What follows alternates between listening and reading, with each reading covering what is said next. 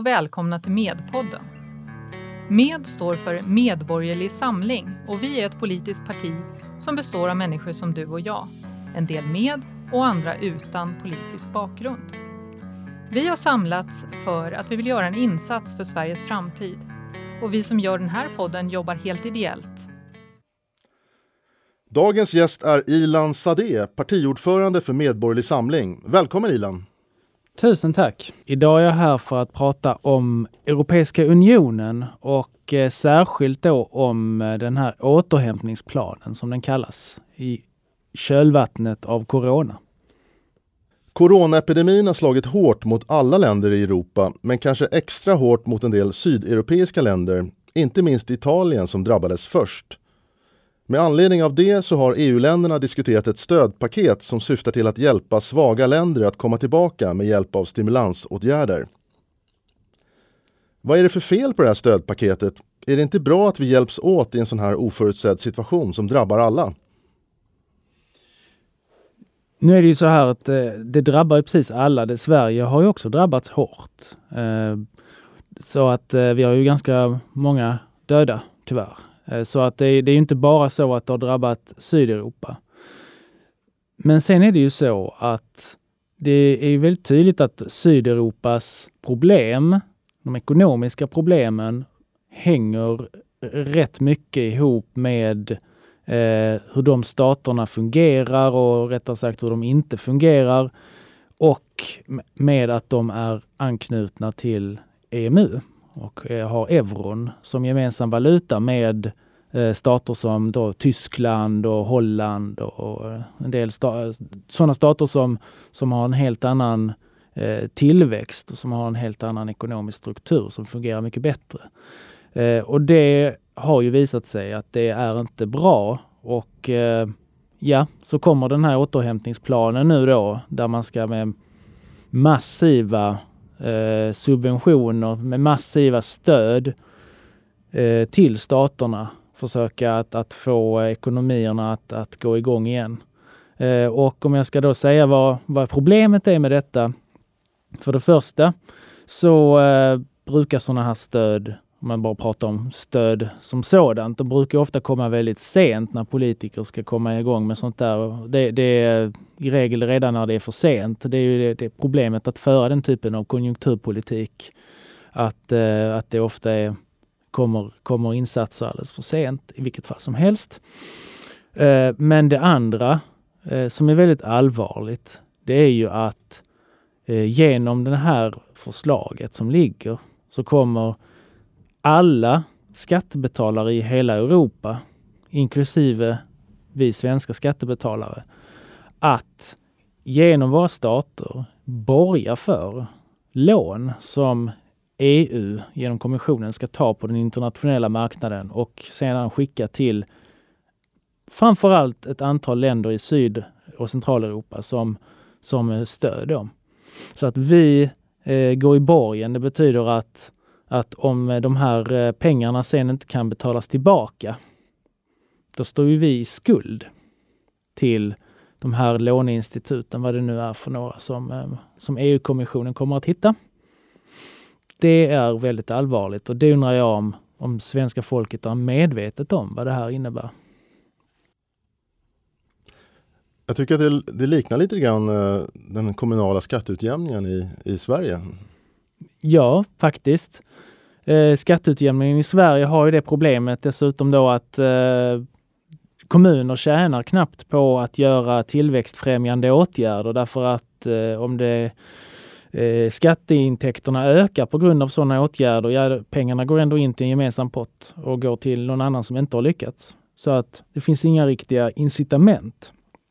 Och eh, det finns likheter. Eh, ska man börja med sådana här statliga, mellanstatliga utjämningssystem här nu så eh, kommer man, det kommer inte att sluta med den här coronakrisen utan det, det här kommer ju bara fortsätta.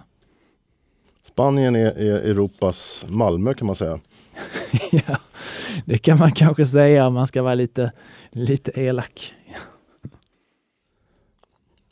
Är, är det här EU-kommissionens svar på Never let a good crisis go to waste? Exakt. Exakt, så är det. Eh, kriser som dyker upp blir ju ofta goda förevändningar för eh, maktcentra eller för politiker att eh, ta till mer makt, att utöka sin makt. Och eh, här är inte bara EU-kommissionen utan även Europeiska centralbanken. Eh, nu visar det ju sig, hör och häpna, att Europeiska centralbanken uttalade sig eh, för inte så länge sedan och sa att ja, men det här med coronafonden borde nog bli en, eh, en permanent historia faktiskt. Det kanske inte bara ska sluta med, med corona. Ja, där ser man, man passar på. Eh, därför att eh, här finns det institutioner som har ett intresse att utöka sin makt, att vidmakthålla eh, euron, att den ska fungera i framtiden trots att eh, området för euron är så olikartat i olika delar. Men man passar på. Så att eh, så är det naturligtvis.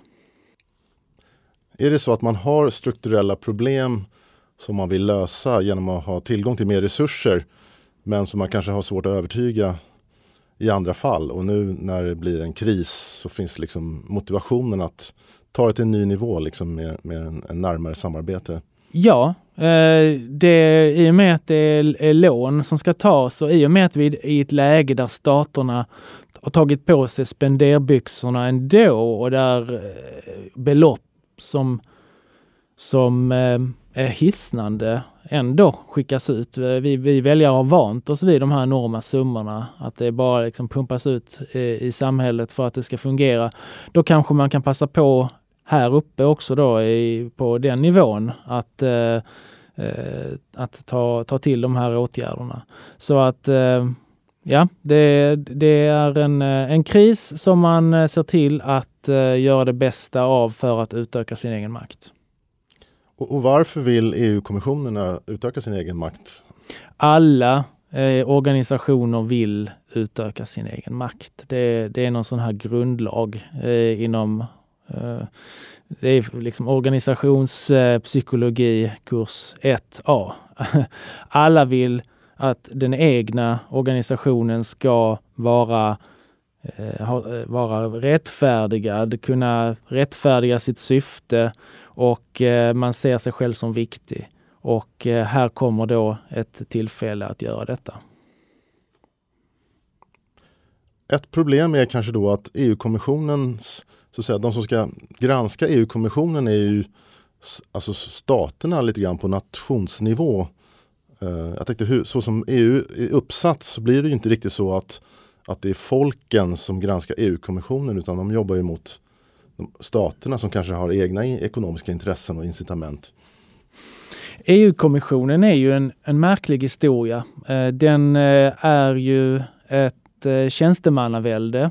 Den är inte folkvald. Det är inte som en, som en regering i ett eh, nationellt parlament som är beroende av, eh, att, av parlamentet, som blir vald av parlamentet och som kan avsättas av parlamentet.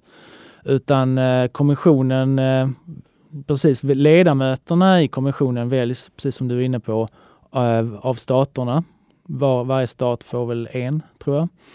Och eh, sen så finns det då ett, eh, en stor tjänstemannaapparat där väl egentligen makten sitter.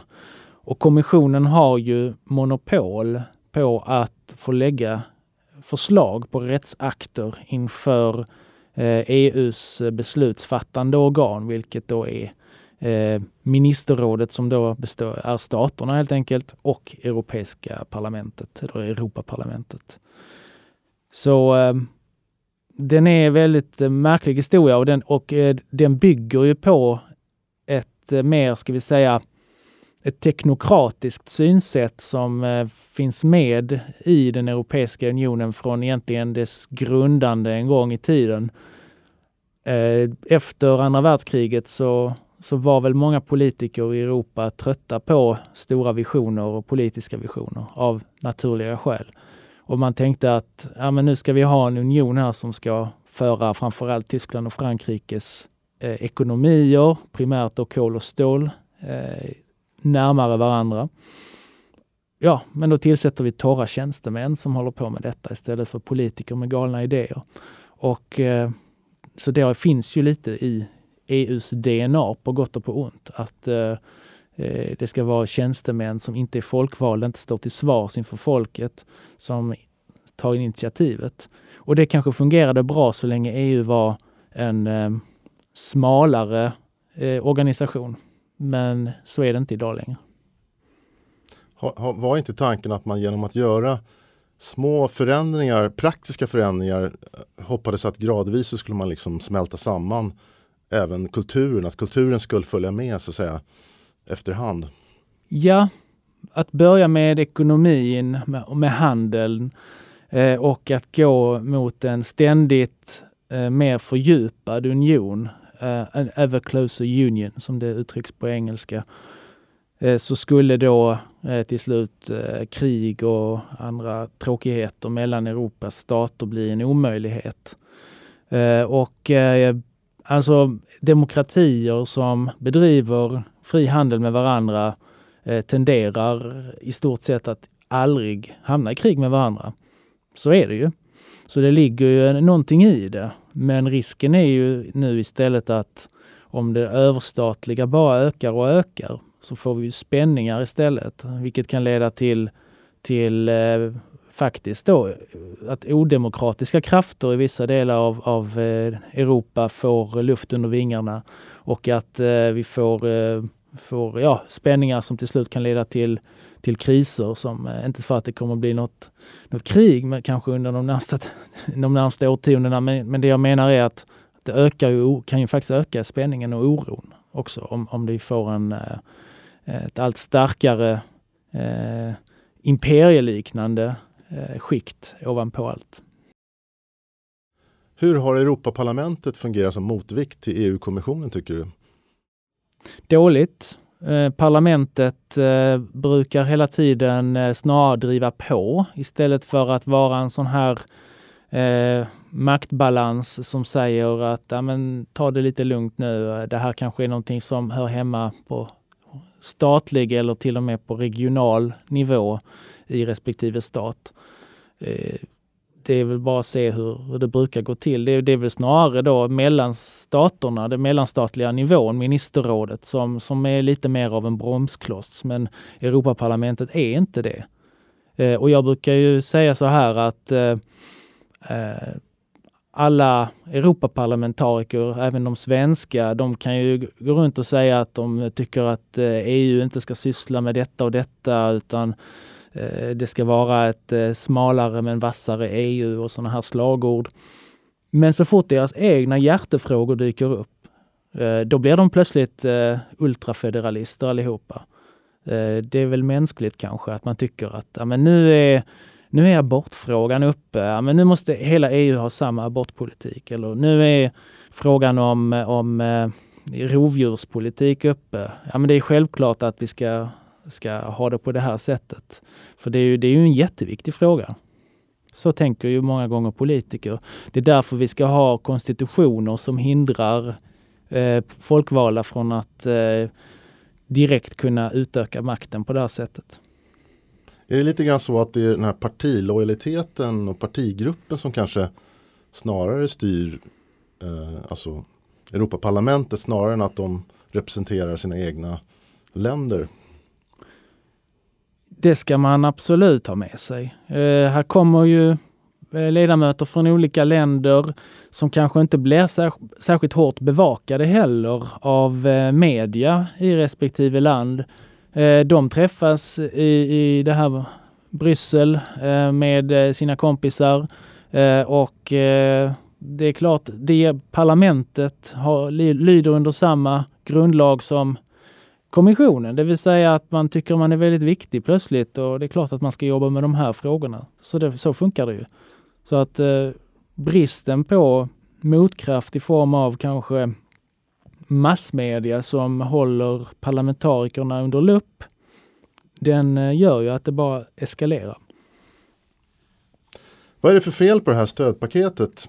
Är det inte bra att vi hjälps åt i en sån här oförutsedd situation som drabbar alla?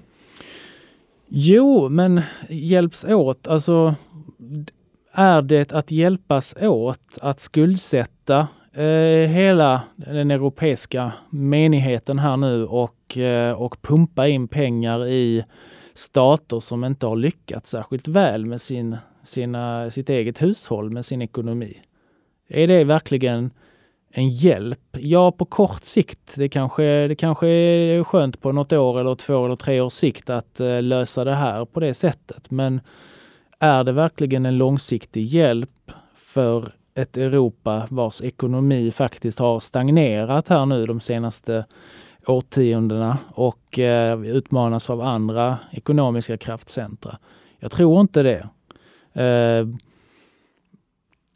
I den mån man behöver eh, ge stöd på grund av, av coronakrisen så är det väl då kanske till eh, eh delar av, av eh, näringslivet som blir hårt drabbat därför att staten går in och säger att men nu kan vi inte gå och eh, handla här eller gå på sådana tillställningar och så vidare. Ja, men då har ju staten gått in och styrt upp och sagt nej. Då får kanske staten eh, också ge eh, eh ett stöd för att inte ekonomin ska kollapsa eller för att stora delar av samhället ska, ska hamna utan försörjning. Men den här mellanstatliga varianten, för det första, jag, jag, jag ser inte riktigt eh, jag ser inte riktigt eh, att, att det kommer att hjälpa på längre sikt. Och eh, jag tror att det är farligt att skapa sådana här eh, europeiska varianter av Malmö stad som du var inne på innan. Eh, som, som bara mer och mer kommer vara beroende av att andra betalar notan till slut. Hur är det här stödpaketet utformat? Eh, jo, det är utformat på så sätt att eh, ungefär hälften, heter det, eh, ska gå eh, i, eh, till, till staterna som bidrag och andra hälften som lån. Eh, den totala summan på, på paketet är ungefär 750 miljarder euro. Så det är, eh, eh, vad blir det då om man ska jämföra det med någonting? Det är väl ett par svenska B, års-BNP tror jag eh, ungefär. Och, eh, eh, och sen kan man ju alltid fundera över den här delen som ska gå till lån som ska återbetalas. Kommer, kommer EU någonsin att få tillbaka de där pengarna? Ja, det kan man ju också undra. Det kommer säkert att avskrivas förr eller senare för att de här länderna som får dem kommer inte att kunna betala tillbaka det. Så att Eh, Eh, officiellt så är det så att det är hälften lån, hälften bidrag. Och finansieringen av detta, det ska då eh, tas genom eh, att EU lånar upp pengarna på den internationella lånemarknaden. Många av de länder som får de här biståndet, det är ju liksom ganska rika länder som, som har rätt hög BNP per capita. Det är ju inte Rumänien kanske i första hand vi snackar. Det är ju liksom Italien, Spanien. Det är ju inga Ja, visst, det är inga det, fattiga länder Nej, egentligen. nej, absolut inte. Eh, och en del eh, i centraleuropeiska länder också som, eh, som är liksom, har, har varit tigerekonomier de senaste årtiondena eh, tjänar på detta. Medan eh, Danmark, Sverige, Nederländerna, Tyskland eh, väl är de stora förlorarna. Jag kanske har glömt någon. Österrike får ni också lägga in lite. Eh, så att Dels så är det kanske inte helt rättvist om man nu bara ser det till, till rikedomens fördelning nu, om det nu ska vara rättvist att, eh, eh att bara ge till de som är, har låg BNP per capita. Eh, och eh, ja, dels så är det eh, Dels är det inte särskilt, särskilt eh, sannolikt att det kommer att ha den effekt som man hoppas på.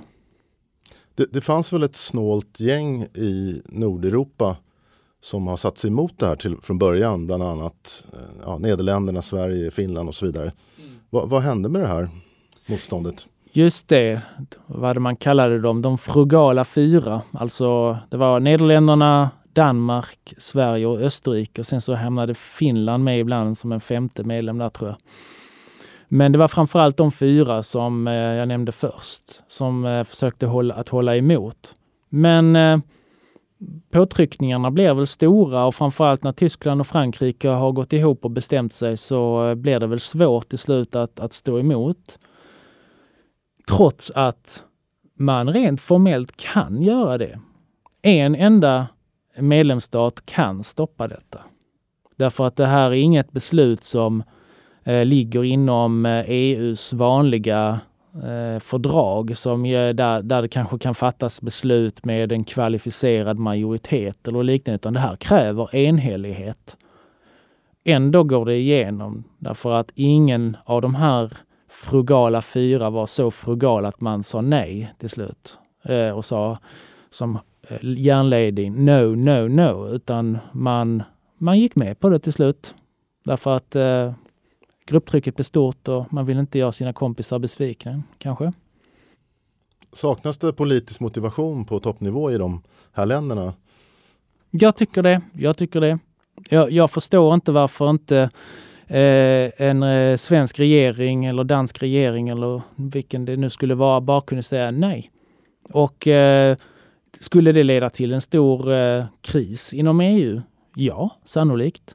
Men vissa kriser kanske är bra att, eh, eller bra, men de är, kanske är oundvikliga och bättre att ta nu än om fem eller tio år när utvecklingen bara fortsätter i fel riktning så att krisen blir ännu större. Eh, jag menar, Storbritanniens utträde ur unionen är ju en, borde vara en läxa ju. Att, att eh, Eh, det kan ju vara fler som hoppar av därför att man inte gillar den här utvecklingen mot en överstatlighet. Men nu tyder ju allt på att det går åt det andra hållet istället. Att ja, nu blev vi av med de jobbiga britterna. Nu kan vi sätta dit de frugala fyra istället ännu mer. Liksom, för att nu har de inte hjälp av, av stora, stora elaka London där. Liksom. Så att så verkar det gå istället. Det är riktigt illa. Nu är det ju här en slags en speciell situation. Det är corona och så vidare. Eh, men det finns väl en risk att det här blir tongivande eh, för framtiden? Ja, det finns en uppenbar risk för det. Det finns en uppenbar risk att när inte det som skickades ut som lån till medlemsstaterna kan betalas tillbaka som det ska, då kommer man att titta på andra finansieringsmöjligheter för att kunna betala tillbaka till de eh, icke-europeiska långivarna, de privata långivarna som har skickat in pengar till detta. Och vad kommer EU att göra då? Jo, det ligger väl i korten här att det blir skatt, beskattning. Och det har man ju också öppnat för i den här långtidsbudgeten som också ska eh, antas här nu eh, tillsammans med coronapaketet. Där det finns skrivningar om att eh, framtida direktskatter till EU eh, är en möjlighet. Sen måste det fattas beslut om det längre fram eh, ändå. Det är inte så att vi har bundit upp oss på något sätt. Men man öppnar ju den dörren. Och den kommer ju inte att eh, gå igen eh, ännu mer. Eller gå igen. Eh, den kommer inte att smälla igen framöver utan den kommer snart öppnas ännu mer. Och där kan man väl tala lite grann om ett demokratiskt underskott. Att man kan ha skatter utan att man har en koppling till ett parlament. Alltså så att folket inte längre är inblandat i beskattningen av sig själv. Ja, eftersom eh, e EUs institutioner inte har riktigt den här förankringen. Jo, formellt så finns det ett parlament förstås som är, eh, som är folkvalt. Eh, men man har inte den här närheten till, till de medborgare som sen ska betala. Och kopplingen mellan folkvalda och, och folket är för svag. Eh, så finns det uppenbara risker här att eh, eh, beskattning går igenom som inte, skulle, som, som inte borde gå igenom. Jag anser ju inte att EU ska ha några direkt skatterätter överhuvudtaget. EU finansieras ju idag med medlemsavgifter framför allt. Och eh, sen finns det ju skatter som styrs av EU, men de skatterna eh, bärs ju upp av medlemsstaterna själva. Varför säger Sverige ja till det här och hur, vad har regeringen för EU-politik egentligen?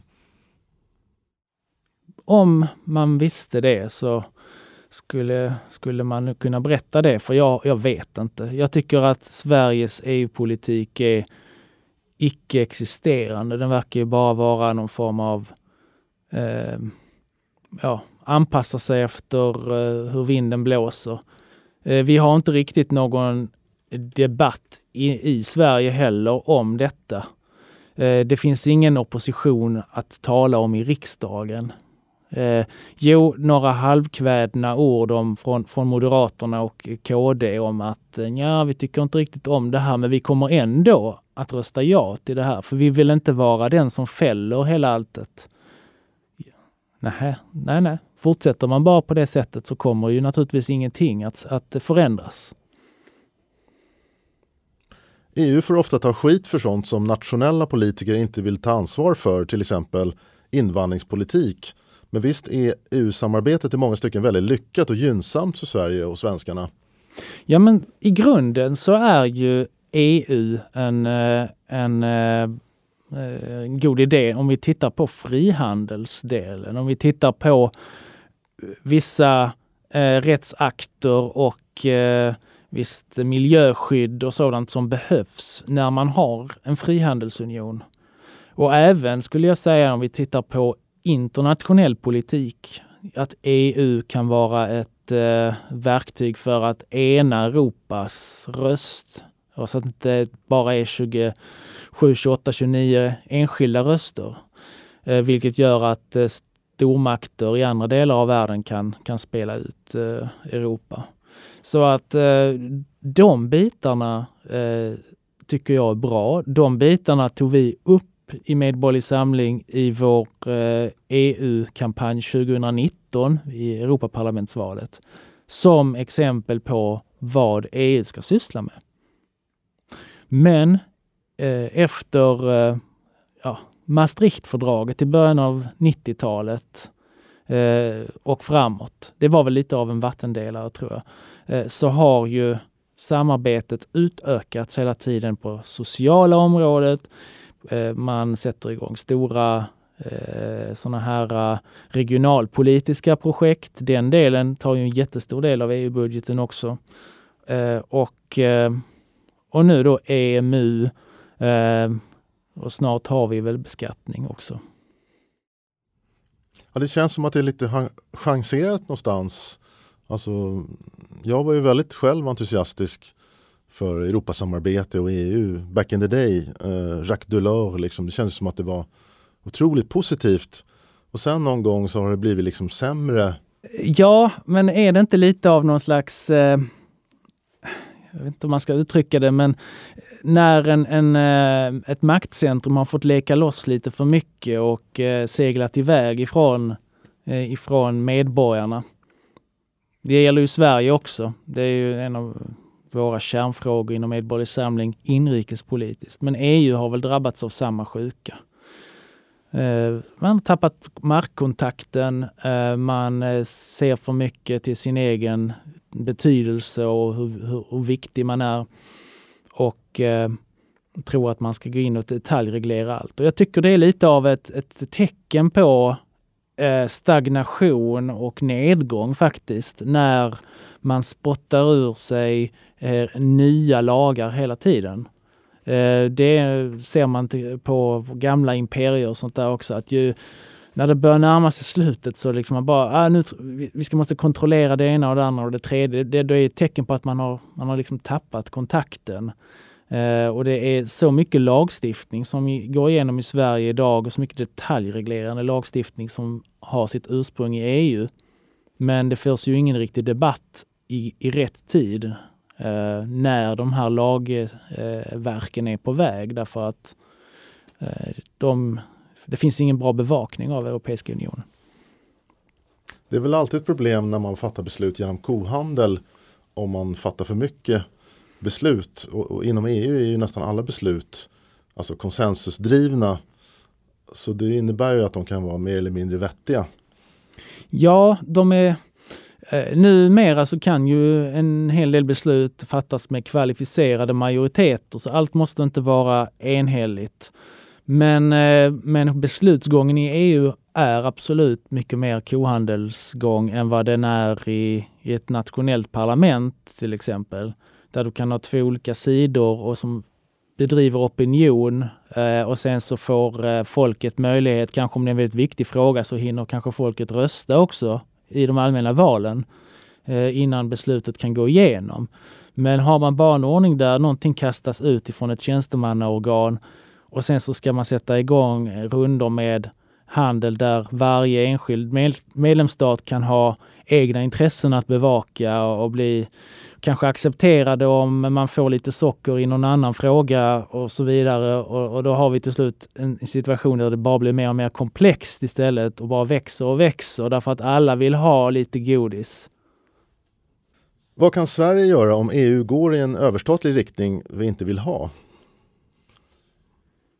Eh, jag menar att Sverige borde ta eh, ställning för att eh, vi vill ha undantag för vissa områden. Om, framförallt om det här coronapaketet går igenom eh, så borde Sverige eh, säga så här att hörni, ni, det här går åt fel håll. Eh, vi har ju ingått i, i, en grupp som, som har varit kritisk till detta.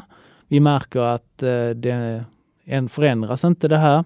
Eh, vi vill därför eh, ha ordentliga undantag på flera områden där vi inte behöver vara med, där vi kan sköta det här själva.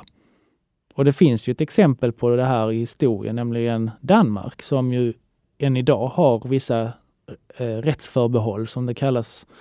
Det vill säga att de, de behöver inte införa lagstiftning inom civilrättens område till exempel. Eh, och sådana saker. Så att det, det har ju hänt tidigare. Jag tycker Sverige borde ta upp den här frågan. Så gör Sverige det så kommer det säkert leda till att andra länder också gör det. Och eh, det kan i sin tur faktiskt påverka hela EU-samarbetet. Kan det skapa lite kriser och dålig stämning på mötena? Ja, naturligtvis. Men det är kanske bättre att göra det nu än att göra, aldrig göra det, som sagt. Vad kommer Medborgerlig Samling göra för att påverka Sveriges position i stödpaketfrågan? Vi eh, kommer att driva en kampanj nu i början av eh, 2021 eh, som jag sa så är alltså frågan om stödpaketet, den är ju beroende av att varje stat säger ja. Och i Sverige så ska ju riksdagen rösta om detta. Och eh, exakt datum för detta Eh, har jag inte klart för mig just nu, men det kommer eh, ett sådant eh, förslag till beslut på riksdagens bord. Medborgerlig Samling kommer nu att driva en kampanj om att vi borde utlysa en folkomröstning i Sverige om den här frågan. Så viktig är den. För det här, här hänger ju nästan hela Sveriges framtida förhållande till EU, menar jag, på den här frågan. Så vi borde köra en ordentlig genomlysning av det här. Ha en folkomröstning om, om det här coronapaketet tvinga riksdagen att säga nej. Som det är nu kommer riksdagen att säga ja. Om partierna själva får bestämma. Och allting tyder på att de kommer att vilja göra det. Men vi, vi borde ta upp det här eh, så, och driva opinion i den här frågan. Och det ska vi göra. Kan du utveckla varför Med tycker att det här är en så viktig fråga att man ska ha en folkomröstning? Därför att den öppnar för eh, beskattningsrätt framöver för EU, Europeiska unionen och den öppnar för, eller öppnar för, den innebär en skuldsättning av Sverige, av de svenska skattebetalarna indirekt, för att skicka bidrag till andra europeiska stater. Jag tycker att det är en ganska stor förändring, ett stort steg att enskilda medlemsstater på det här sättet ska gå i borgen för att eh, de här lånen ska kunna tas upp. Det är ingenting som finns i EU-fördragen. Det här är någonting helt nytt. Det är ju som att vi bestämmer om ett nytt EU-fördrag egentligen, en komplettering. Och när kompletteringar till EU-fördrag har gjorts tidigare, ja då, då har det ju ofta varit folkomröstningar. Det har varit folkomröstningar i eh, Danmark, eh, på Irland, eh, även i Frankrike, eh, Holland har jag för mig. När det har varit sådana här nya fördrag som Amsterdamfördraget, Lissabonfördraget, ja de här namnen som de flesta känner igen, då har det ofta varit folkomröstningar. Det här borde också vara en folkomröstning. Ännu mer kanske. än, eh, ännu starkare skäl i det här fallet faktiskt, än, eh, eh, än de andra fördragen. Det innebär väl i praktiken att riksdagen delar med sig av suveränitet till EU? riksdagen skickar precis ytterligare makt, eh, avhänder sig ytterligare makt till, till EU på det här sättet. Eh, men den eh, bidrar, man kan säga att den, den, den bidrar ju till att Sveriges eh, skuldsättning ökar på ett sätt som, eh, och det, som, som faktiskt regeringsformen förbjuder en regering att göra. Så det krävs att det är ett riksdagsbeslut när man eh, ska ta upp eh, och skuldsätta Sverige på det här sättet. Ehm, och jag skulle då säga att när skulden är potentiellt är så stor så borde det vara en fråga att rösta om. Hur stor skuld rör det sig om? Ja, eftersom det är ett borgensåtagande som säkert, nu, nu måste jag få det här bekräftat, det kanske jag kan kolla på eh, efter, efter det här samtalet, men eftersom det handlar om 750 miljarder euro, alltså flera gånger vår BNP, så kan det potentiellt vara en väldigt stor skuld. För normalt sett när man går i borgen, då gör man det som det heter solidariskt. Det betyder att om eh, eh, om vissa länder inte klarar av att eh, infria sina åtaganden, ja då kommer de som har förmåga att även behöva punga upp för de som inte kan. Och är det på det sättet, då, då är ju den potentiella skulden eh, 750 miljarder euro. Det känns ju som att det vore rimligt med en demokratisk avstämning om ett sånt här beslut. Men hur kommer det sig att eh, det inte är så aktuellt för de andra partierna att göra det här? Ja, de, eh, det är väl som den här grodan som till slut blir kokt alltså. Eh, om man bara skruvar upp lite efterhand. Eh, det, man går steg för steg och inser kanske inte hur, hur viktig den här frågan egentligen är. Och är inte tillräckligt angelägen om att fråga medborgarna att ställa upp det här på det här sättet och ge dem en möjlighet att säga till. Eh, om man bara berättar om man bara berättar tydligt för svenska folket att det här är vad det här innebär. Vad tycker ni om det? Då tror jag nog att man hade fått ett, en, en, ett gensvar som, som man eh, kanske inte vill ha, men som innebär att ja, men det här, glöm det, glöm att vi ska hålla på med detta. Vi tycker att eh, EU ska vara en frihandelsunion, ett eh, samarbete mellan demokratier eh, där vi kan ha kulturellt och ekonomiskt utbyte och så vidare. Men inte någon form av skuldsättningspakt där vi ska pumpa in pengar i andra stater för att euron inte riktigt funkar och för att de staterna inte riktigt fungerar som de ska. Som du säger så är det mest troliga är att riksdagen kommer att besluta om det här vad ska då med göra i så fall?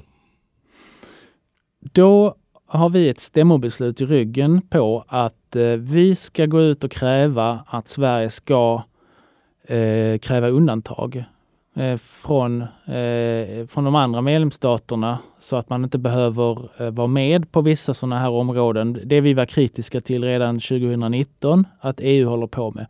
Till exempel regionalpolitik, socialpolitik, penningpolitik, direkt beskattning som nu tillkommer som ett mål. Eh, det ska skrivas in i Sveriges fördrag med EU. Det ska Sverige kräva enligt vår uppfattning. Eh, och gör inte Sverige det, eller om EU säger nej till detta, då ser inte jag något annat alternativ än att den diskussionen med EU får fortsätta efter att Sverige har haft en folkomröstning om vårt fortsatta medlemskap i Europeiska unionen. Och skulle det då bli ett, ett, eh, eh, en majoritet för ett utträde, ja, då får Sverige anmäla utträde och sen får förhandlingarna fortsätta efter det. Men då är det ju med lite andra villkor kanske.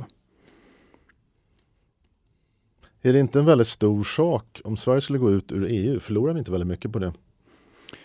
Det är en stor sak. Eh, vi kan potentiellt förlora en del på det. Eh, vi kan också potentiellt vinna en del på det.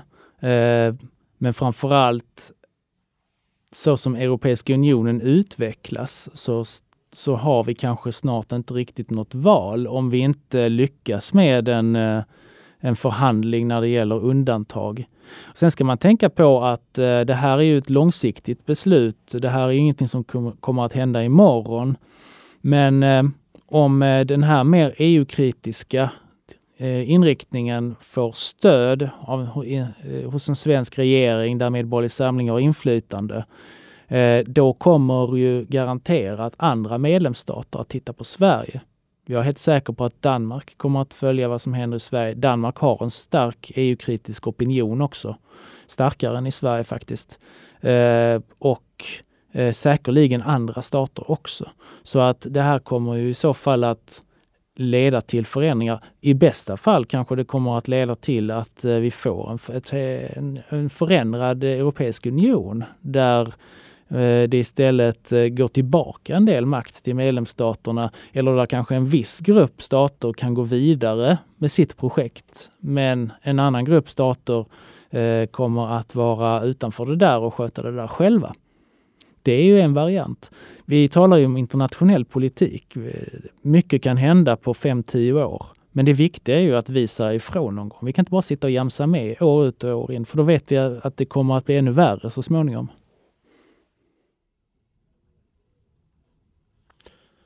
Vad kommer hända nu under våren eh, med den här frågan för Meds del? Vi kommer att driva kampanj för en folkomröstning om det här återhämtningspaketet fram till dess att riksdagen har fattat beslut i frågan.